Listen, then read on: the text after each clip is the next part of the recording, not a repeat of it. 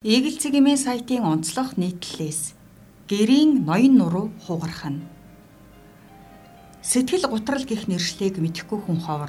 Учир нь шин технологи шиш шилээд агсан нээлтүүдийн тоо нэмэгдэж байгаатай адил сэтгэл гутралд автах иргэдийн тоо эрчимтэй өсжээ. Үндэсний хэмжээнд хийсэн хүн амд зөнгөлн тохиолдох сэтгцийн эмгийн тархалт судалгаагаар 10 жилийн дотор сэтгэл түгших эмгэг 8 дахин, сэтгэл гутрах эмгэг 7 дахин өссөн байна. Мөн судалгаанд хамрагдсан иргэдийн 65% нь өөртөө сэтгэгцийн тулгамдсан асуудал бий гэж хүлээн зөвшөөрчээ. Өөр нэгэн судалгааны дүнгээс харахад 16 жилийн дотор зан үйлийн эмгэгийн тохиолдол 30 гаруй хувиар нэмэгдлээ. Сэтгэл гутрал нэмэгдэж байгаатай холбоотой монголчуудын сэтгцэн эмгэгийн тархалт дэлхийн дунджаас хэд дахин хурдтай яваа гэх яриач гарсан юм а. Сэтгэл гутрал маш олон шалтгаанаас болж үүсдэг хамгийн хачиргалтай нь шинхэн эцэг болж байгаа залуусаас сэтгэл гутралын шинж тэмдэг ихээр илэрх болжээ. Их Британий BBC агентлагийн Шотланд дахь салбар А болж байгаа 10 хүнээс судалгаа авахад нэгт нь сэтгэл гутралын шинж тэмдэг илэрсэн байна. Тэрээр намайг Питер Дэвер гэдэг 39 настай миний эхнэр 2 дахь хүүхдээ 2016 онд төрүүлсэн юм. Гэр бүлийн шинхэн гишүүнээ үлгэдэн авснаар миний амьдралын хэв маяг эрс өөрчлөгдсөн. Энэ л сэтгэл гутралд орох шалтгаан болсон бах Хүүхдийн уйлах дуу, хүүхдээ асарч нойргүй хонох нь надад үнэхээр төвөгтэй санагдсан. Би түргэн уртай дотроо нэг том чулуу тэгээд ч байгаа юм шиг санагддаг болсон.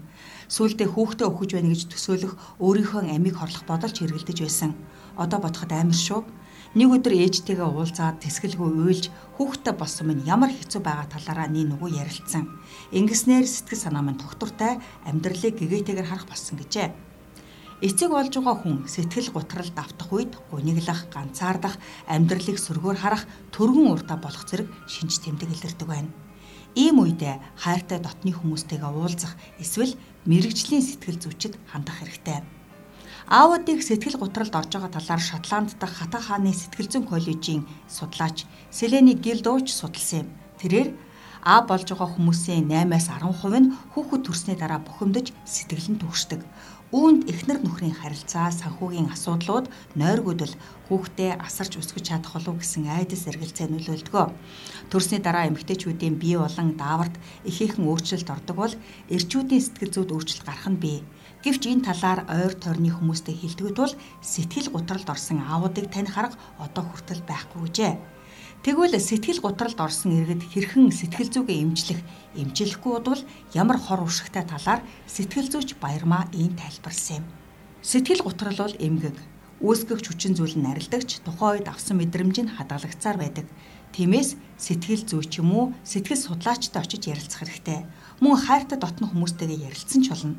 Хүнтэй ярилцах нь хамгийн сайн эмчилгээ Хэрвээ хин нэгэнтэй ярихгүй асуудлаа дотроо хадгалаад байвал аажмаар амиа хорлох тухай бодлууд ч толгойд эргэлддэг. Ийм тохиолдол Монголд цөөнгүй бий. Манай улсад жил дунджаар 500 орчим хүн сэтгэл гутралаас олж амиа хорлдог гэсэн судалгаа гарсан. Хүүсээр нь ангилан авч үзвэл эрэгтэй нь амиа хорлож буй хүмүүсийн ихэнх хэсэг буюу 400 орчим хүн байдаг. Харин эмэгтэй нь 100 орчим. Яагаад эрчүүд их амиа хорлоод байна гэхээр тэд сэтгэл гутралыг хүлээн зөвшөөрч чаддгүй гадны тулсамж авахта таарав гэсэн таамаглал бий гэжээ. Сэтгэл гутралаа эмчилж чадахгүй л эцэст нь амиа хорлоход хүрдэг. Эмээс аав нарын сэтгэл зүй тогтворгүй болвол яаралтай сэтгэл зүйчэд хандаж ярилцах хэрэгтэй. Мөн ууланд алхах, сонирхсон спортын төрлөөр хичээллэх, өөртөө цаг зав гаргаж байгаарай.